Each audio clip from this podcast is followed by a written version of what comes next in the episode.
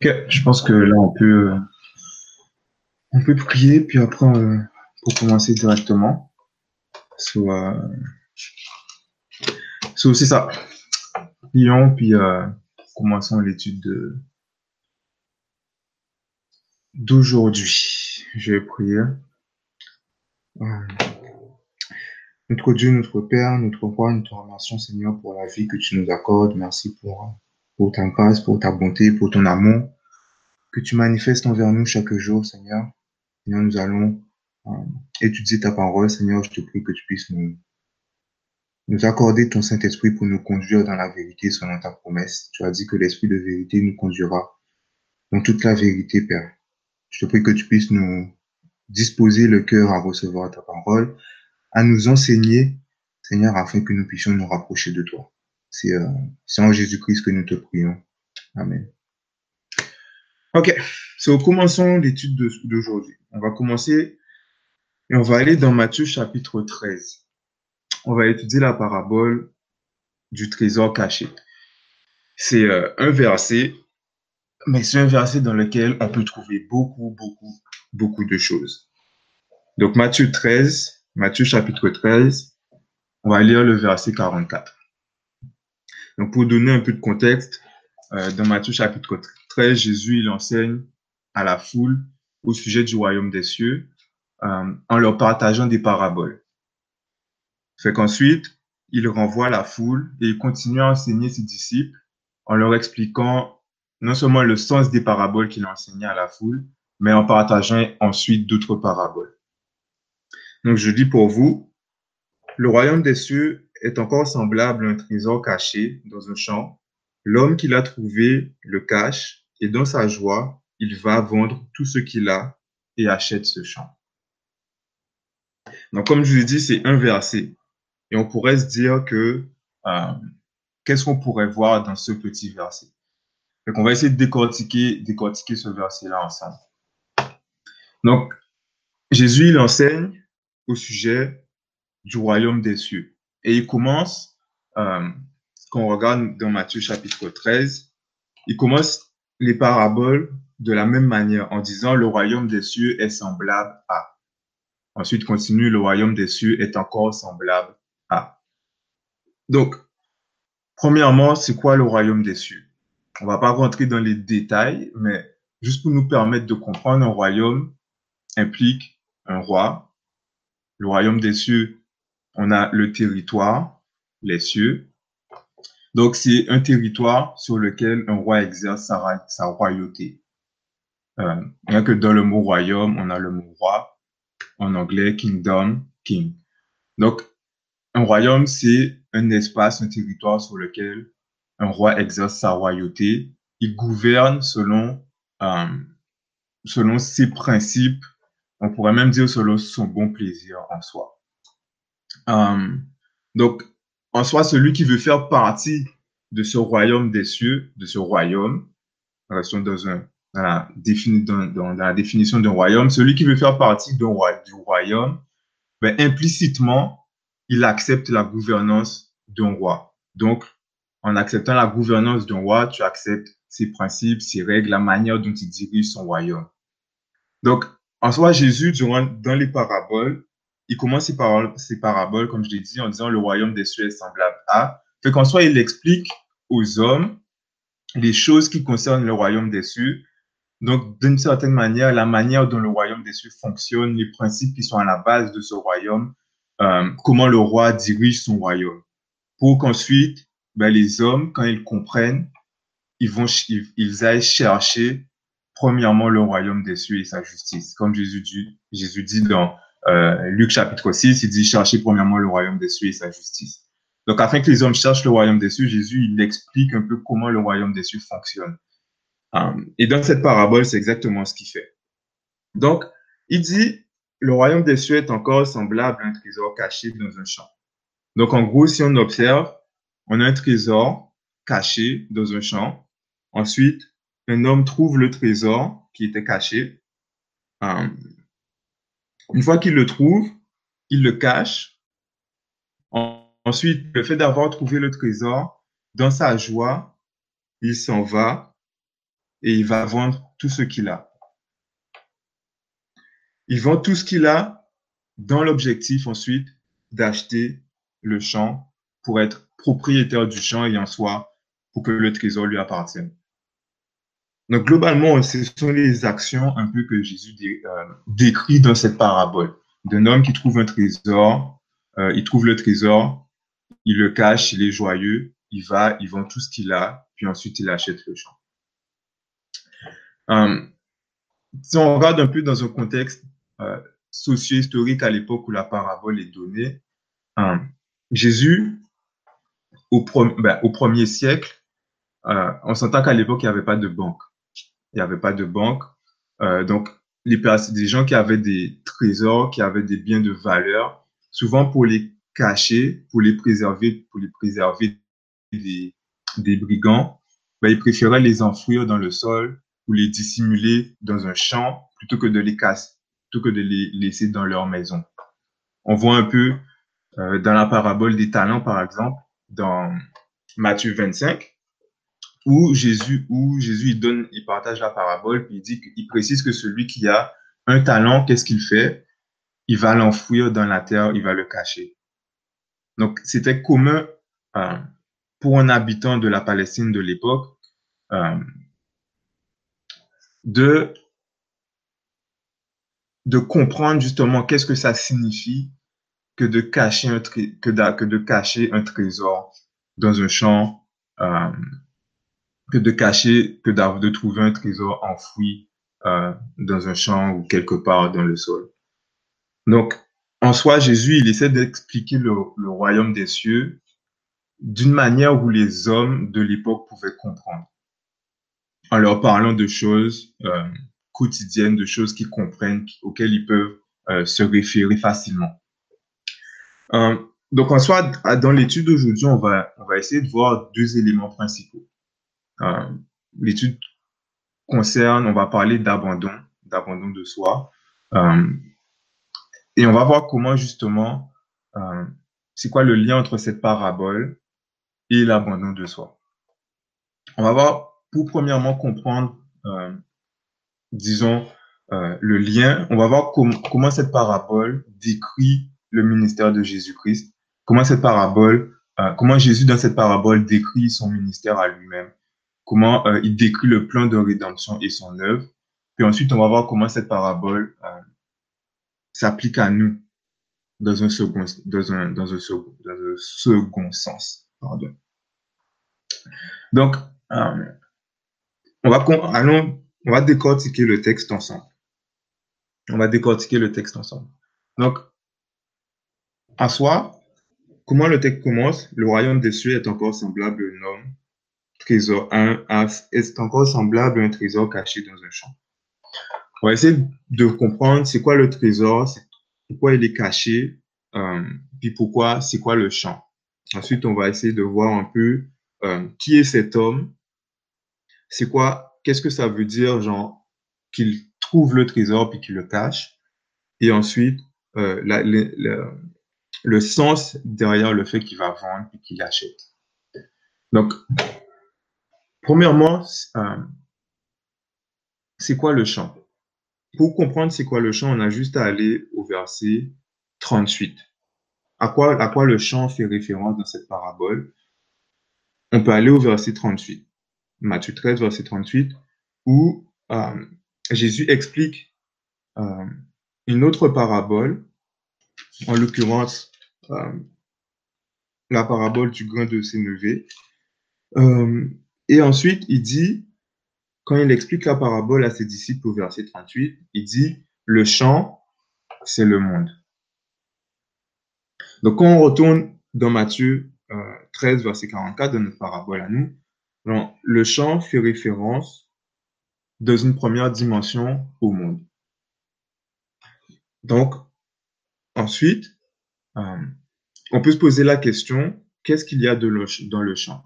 La parabole nous dit que le trésor, il est caché dans un champ. Maintenant, on va essayer de comprendre c'est quoi le trésor et pourquoi il est caché. Mais au moins, on sait déjà que le champ fait référence au monde, que le champ, c'est le monde. Comme Jésus l'a dit, au verset 38.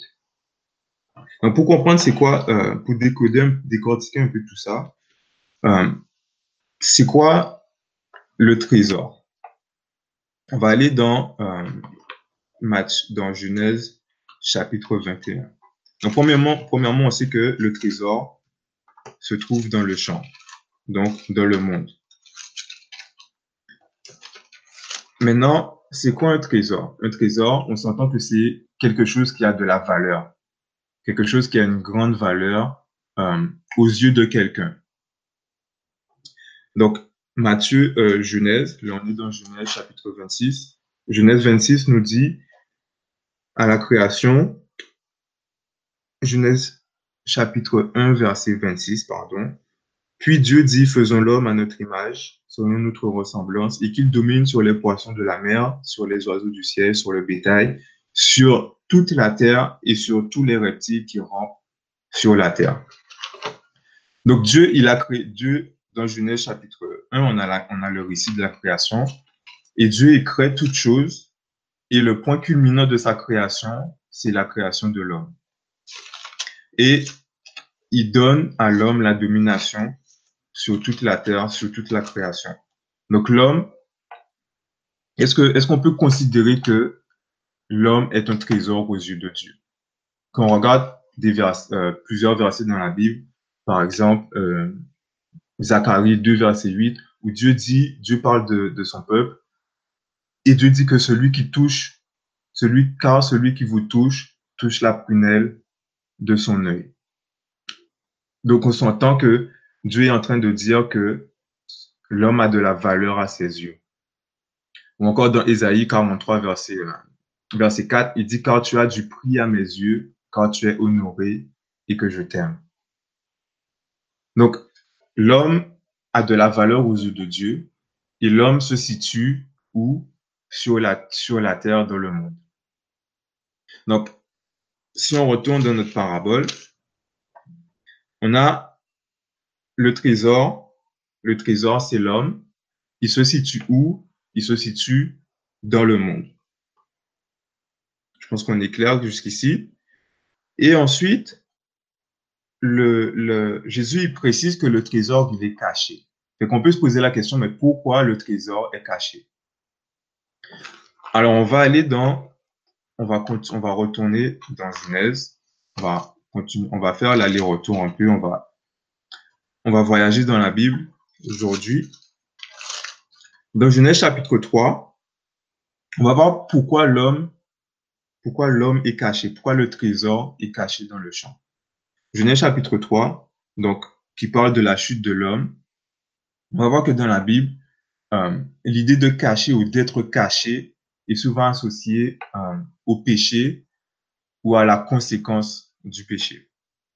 Je lis pour vous Genèse chapitre 3, versets 7 et 8, qui nous dit, euh, après, je vous donne un peu de contexte, après que l'homme, qu'Adam et Ève aient mangé du fruit de l'arbre de la connaissance du bien et du mal, au verset 7, il, est écrit, les yeux de l'un et de l'autre s'ouvrirent et ils, connurent qu'ils étaient nus. Et ayant cousu des feuilles de figuier, ils s'enfirent des ceintures. Verset 8, alors ils entendirent la voix de l'Éternel Dieu qui parcourait le jardin vers le soir, et l'homme et sa femme se cachèrent loin de la face de Dieu, au milieu des arbres du jardin.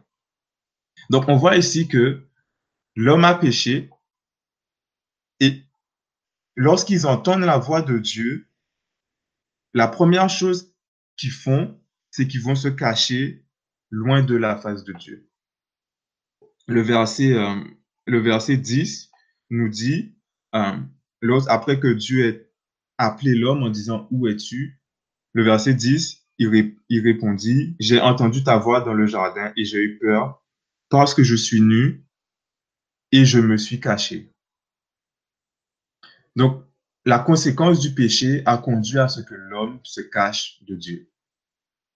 On a encore ce, cet exemple, cette, cette idée-là dans plusieurs autres passages dans la Bible, où par exemple, Jonas, euh, qui voulait se, se, qui, qui voulait pas obéir à Dieu, qu'est-ce qu'il a fait? Il a voulu se cacher de lui, il a voulu s'enfuir loin de, loin de sa face. Ou bien même encore, euh, dans Ésaïe 59, euh, au verset 2, la Bible dit que ce sont nos iniquités qui mettent une séparation entre nous et Dieu. Ce sont nos péchés qui font qu'il nous cache sa face. Fait qu'on a cette idée justement où le péché conduit l'homme à être caché de Dieu. Alors, maintenant qu'on, si on retourne de notre parabole, le trésor, c'est l'homme. Il se situe dans le champ. Donc l'homme se situe dans le monde parce qu'on a vu que Jésus, il dit que le champ, c'est le monde. Et le trésor est caché. Et on vient de voir pourquoi le trésor est caché. Parce que l'homme a péché et qui se cache de Dieu. Donc, dans la première partie de, euh, cette parabole, Jésus, qu'est-ce qu'il fait? Il décrit, la, il décrit la situation de l'humanité, en fait. Il décrit la situation de l'humanité où euh, l'homme est caché, l'homme, un trésor qui a de la valeur aux yeux de Dieu, il est caché de Dieu euh, dans le monde à cause du péché. Vous allez voir, vous allez me dire, mais c'est quoi le rapport avec, avec l'abandon de soi? Mais on va y venir. Maintenant, on va voir que dans la deuxième partie du verset, on va voir que Jésus, il décrit, il, décrit ce qu'il va faire lui-même. Il décrit ce qu'il a fait lui-même et ce qu'il allait faire lui-même. En disant, l'homme qu'il a trouvé le cache et dans sa joie, il va vendre tout ce qu'il a et achète ce champ. Comment on peut savoir, comment on peut dire que Jésus-Christ, c'est l'homme qui, qui, qui va, qui trouve le trésor, qui va y vendre tout ce qu'il a pour l'acheter? On va voir, on, regarde, quand on regarde, on a différents verbes d'action. On a le verbe trouver, l'homme y trouve, il cache, il va vendre, il va, il vend et il achète. Et quand on regarde toutes ces actions, avec l'humanité. Si on, va retourner dans Genèse, dans Genèse au chapitre 3, lors de la création, Genèse chapitre 3, lisons à partir du verset, euh, du verset 8. On a déjà lu le verset 8, où justement les hommes, euh, Adam et Ève ont péché. Leurs yeux se sont ouverts, ils ont vu qu'ils étaient nus, ils ont eu honte, et ils se cachèrent loin de la face de Dieu. Verset 9, le verset dit, L'Éternel Dieu appela l'homme et lui dit, Où es-tu? Il répondit, J'ai entendu ta voix dans le jardin, j'ai eu peur, parce que je suis né et je me suis caché. Fait que l'homme s'est caché, et qu'est-ce que Dieu a fait? Il a cherché, il l'a trouvé. Et on peut se demander, mais comment est-ce que quelqu'un peut, vraiment être caché de Dieu au final? Parce que dans Job 34, verset 21, euh, la Bible nous dit, car Dieu voit la conduite de tous, il a le regard sur les pas de chacun. Il n'y a ni ténèbres, ni ombre de la mort, où puissent se cacher ceux qui commettent l'iniquité. C'est que personne ne peut se cacher de Dieu. Et Dieu, parce que Dieu trouve tout le monde, il voit tout le monde. Mais le sens qu'il faut voir dans, dans, dans, dans ce passage-là, il est équivalent à ce que, à la parabole de la brebis égarée. Ou dans la parabole de la brebis égarée, Jésus dit, mais quel homme qui a 99 brebis, qui en perd une, ben, il laisse les 99 autres pour aller chercher la brebis qui s'est perdue. Et lorsqu'il l'a trouvée, il la ramène. Fait que c'est Jésus qui, alors que l'homme se cache à cause de son péché, il le cherche et il le trouve. Fait que l'homme, il trouve le trésor, Jésus, de la même manière que Jésus, après le péché de l'homme, il l'a trouvé, alors que l'homme se cachait.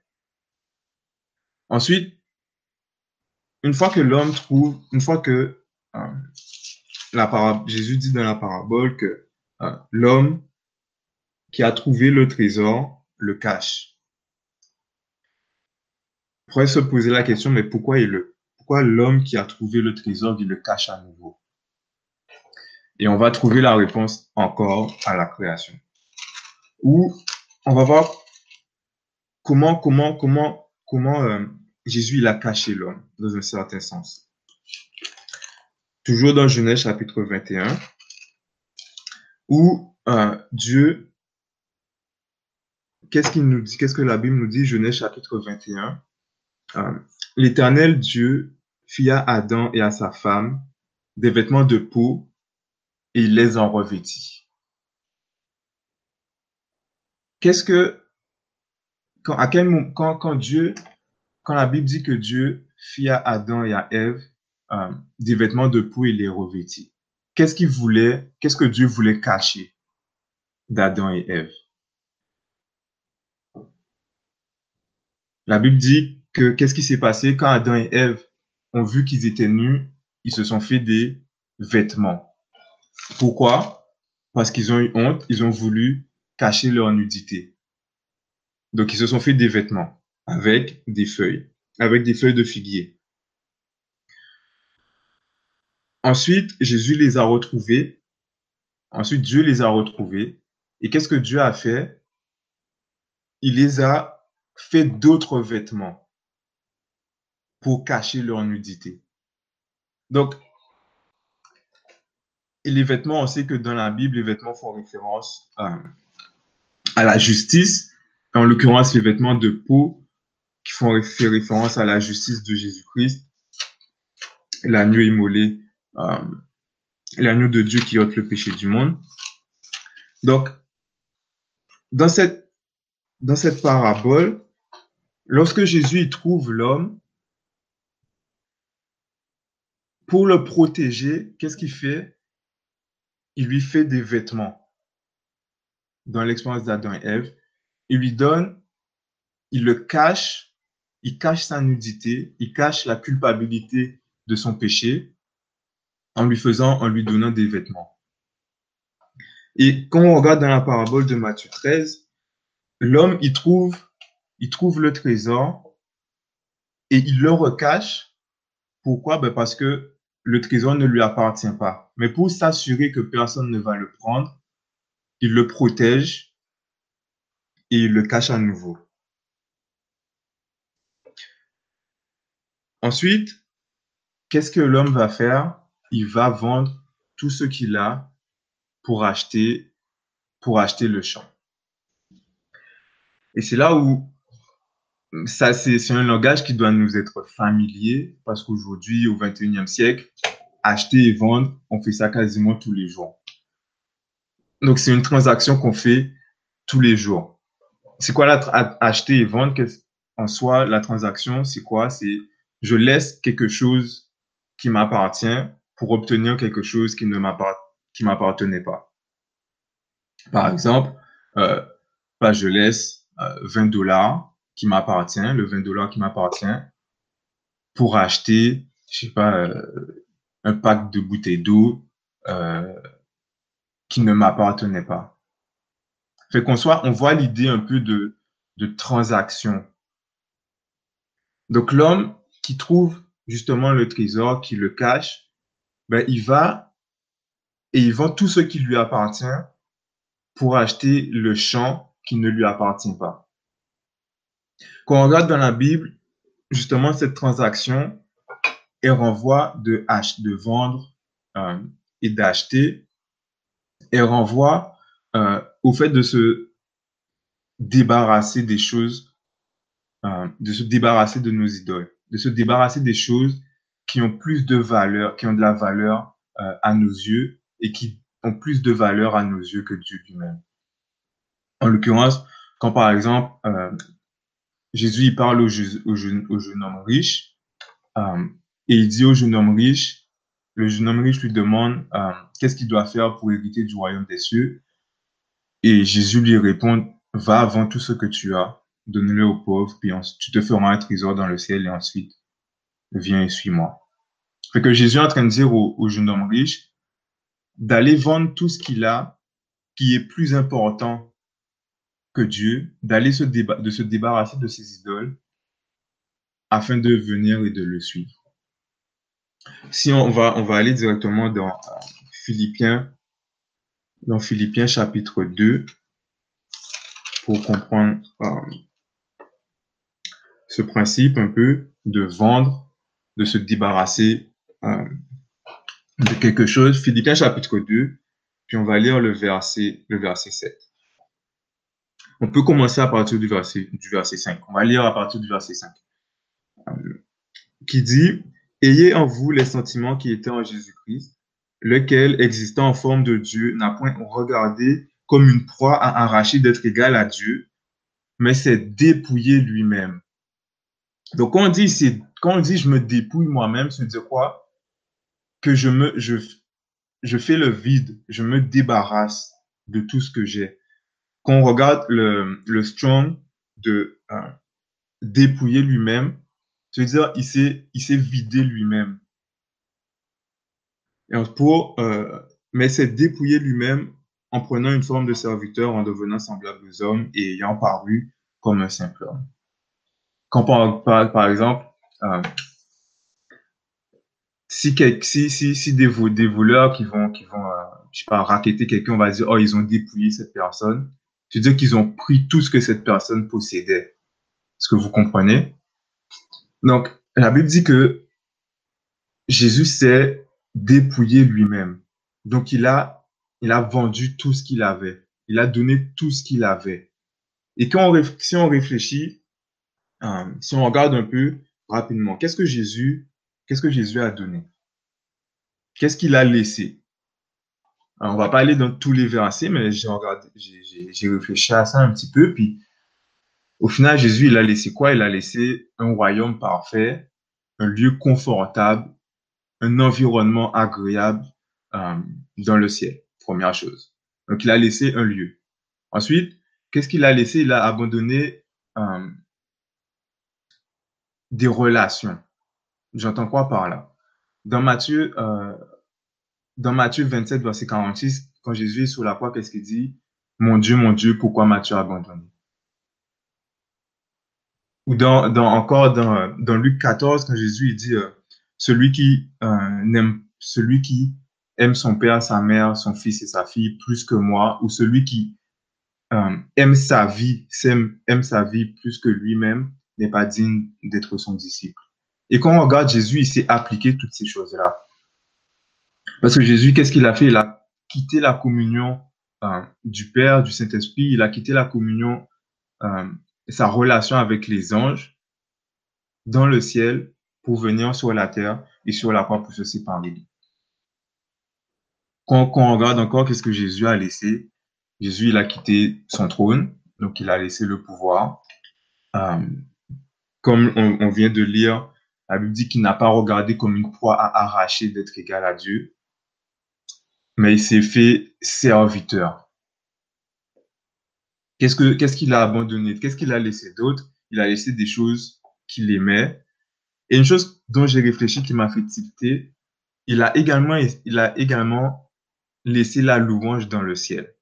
Donc la musique. Puis pour, pour en tant que jeune, c'est c'est assez j'ai trouvé ça très intéressant que Jésus a laissé la louange du ciel. Il a laissé la musique. Alors, on voit tout ce que on voit que L'homme, il a tout vendu, comme Jésus, il a tout donné, comme Jésus, il s'est dépouillé lui-même pour pouvoir acheter le champ. On va aller dans Apocalypse chapitre 5. Apocalypse, on va aller au chapitre 5 et on va lire le verset 9.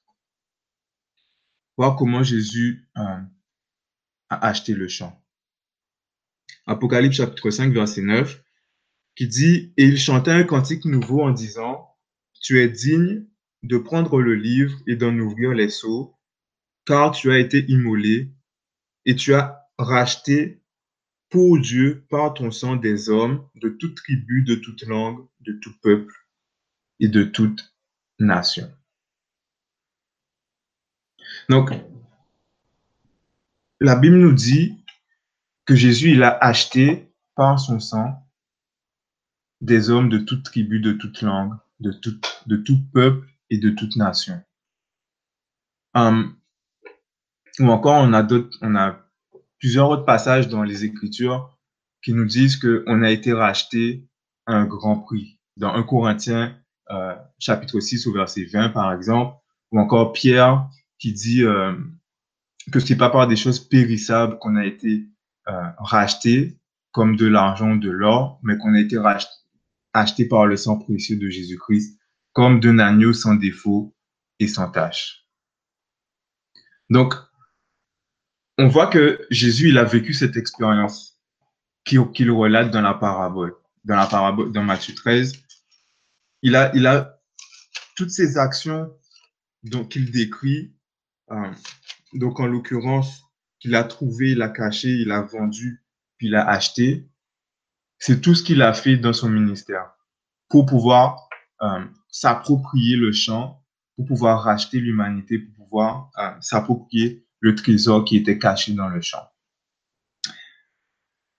Donc là, on voit clairement euh, dans cette parabole, puis comme dans beaucoup d'autres paraboles, où Jésus, où il y a une dimension où Jésus raconte son ministère. Il décrit son ministère.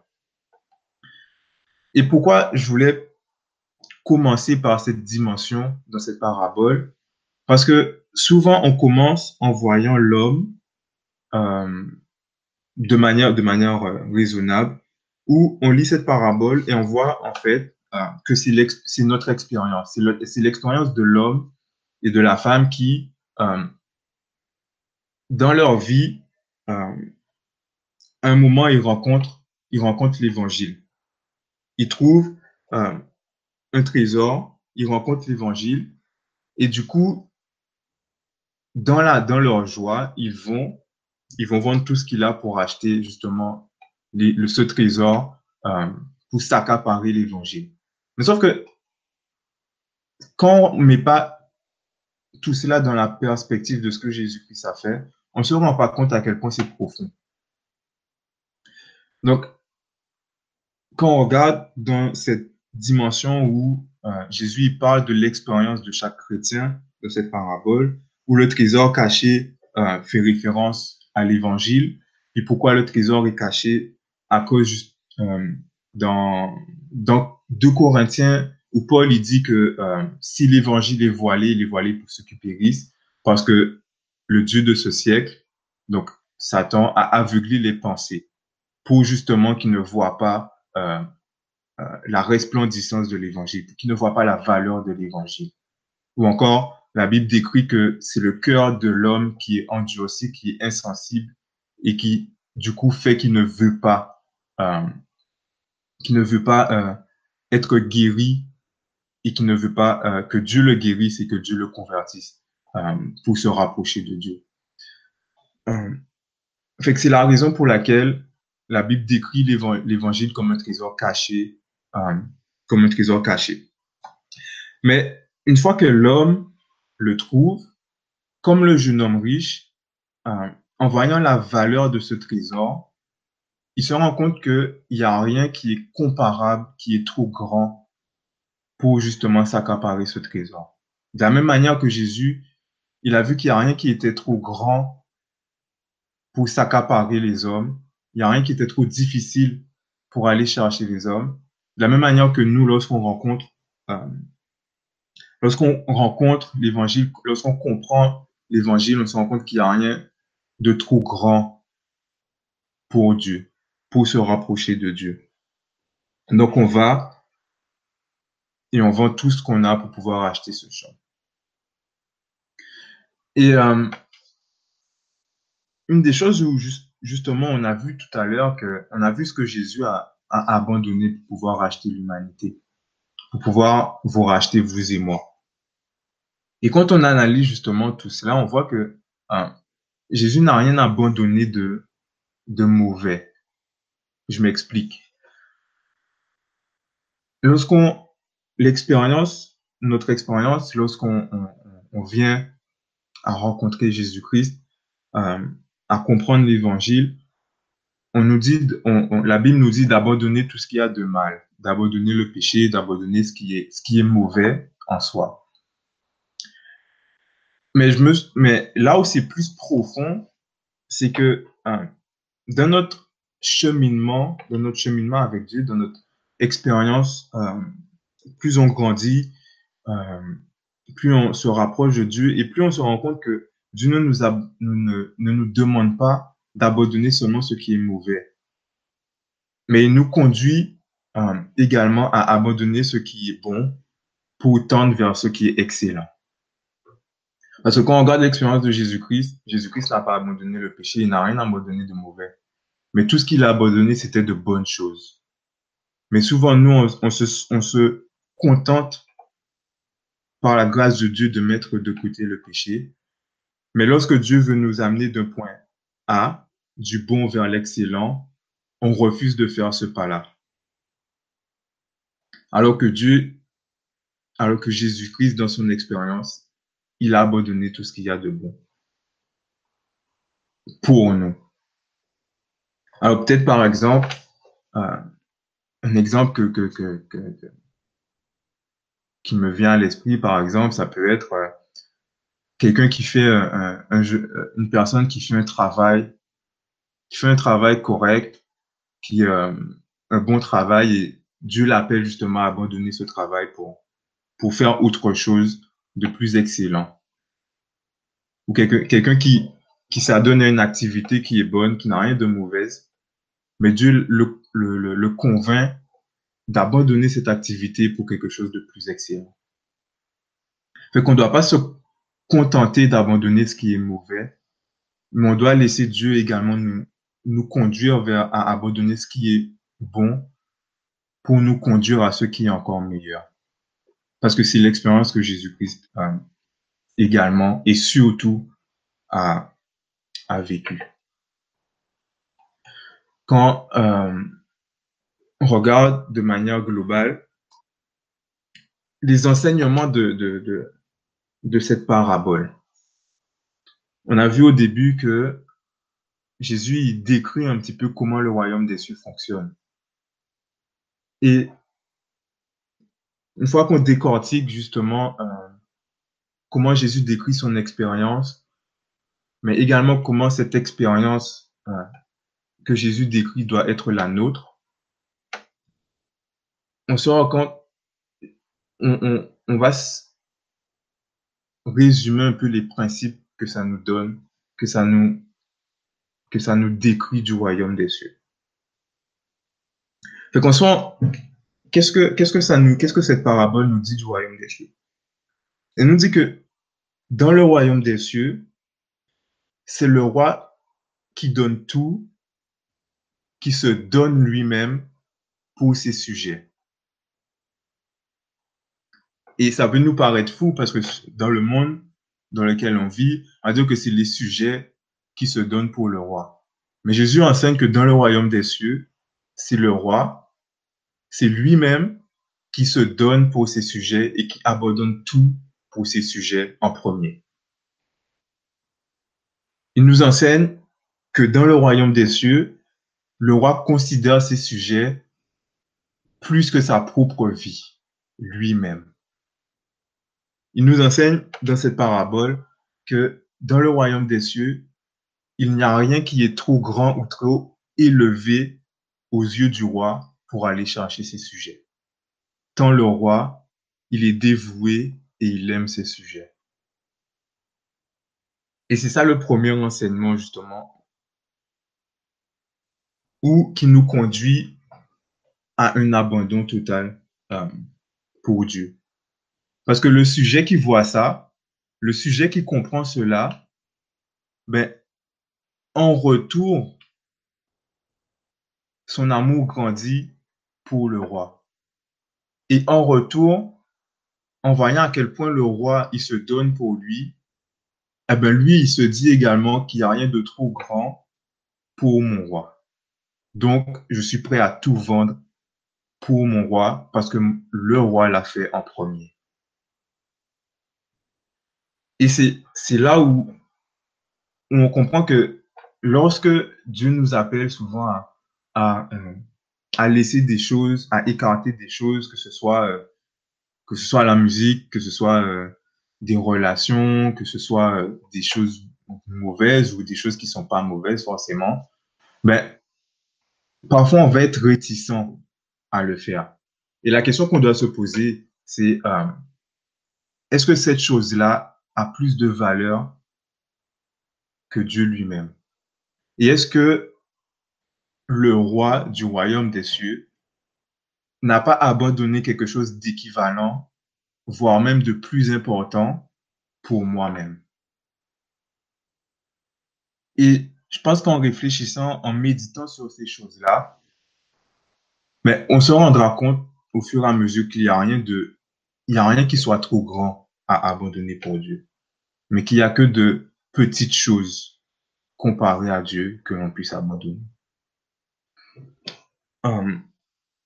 donc, je vous encourage, hum, c'est une leçon pour chacun de nous, pour moi le premier, justement à garder, à garder devant nos yeux euh, comment tout ce que l'expérience que Jésus nous appelle à vivre, il a vécu en premier. Et à quel point, euh, à quel point on a de la valeur à ses yeux pour que en retour notre amour pour lui grandisse et qu'on soit en mesure de l'aimer au-dessus de tout, de toute autre chose. la Bible dit dans, euh, dans Luc, Luc chapitre 12 au verset 34, euh, car là où est ton trésor, là aussi sera ton cœur. Que là où tu, on place les choses, euh, là où les choses ont de la valeur à nos yeux, on va y mettre notre cœur. Et la raison pour laquelle Jésus s'est donné lui-même, il a donné tout son cœur pour, pour l'humanité, c'est parce que le trésor de Dieu était dans l'homme. Parce que Dieu voyait l'homme comme son trésor. Et parce qu'il voyait l'homme comme son trésor, il a donné son cœur, il s'est donné lui-même. Son cœur y était lorsqu'il a tout vendu pour lui. Et c'est la même chose que vous et moi, nous devons expérimenter où Dieu sera, Dieu pour nous sera un trésor, un trésor qui aura une telle valeur qu'on mettra tout notre cœur dedans, comme lui, il a mis tout son, tout son cœur pour nous. Donc, c'était ça l'étude euh, d'aujourd'hui. Je ne sais pas si vous avez des, des questions. Peut-être Camille pourrait les, euh, les partager, puis on pourrait en discuter rapidement avant, euh, avant qu'on termine. en tout cas, j'espère que vous avez. Comment? Je regarde s'il y a des questions. Ok. Tout cas, j'espère que vous avez été, euh, bénis par la parole de Dieu. Euh, je vous invite à, à continuer à, à, étudier cette parabole parce qu'il y a plein d'autres choses pour notre enseignement euh, dedans, définitivement. Amen, amen, amen, ah, je regarde s'il y a des questions, je te dis ça.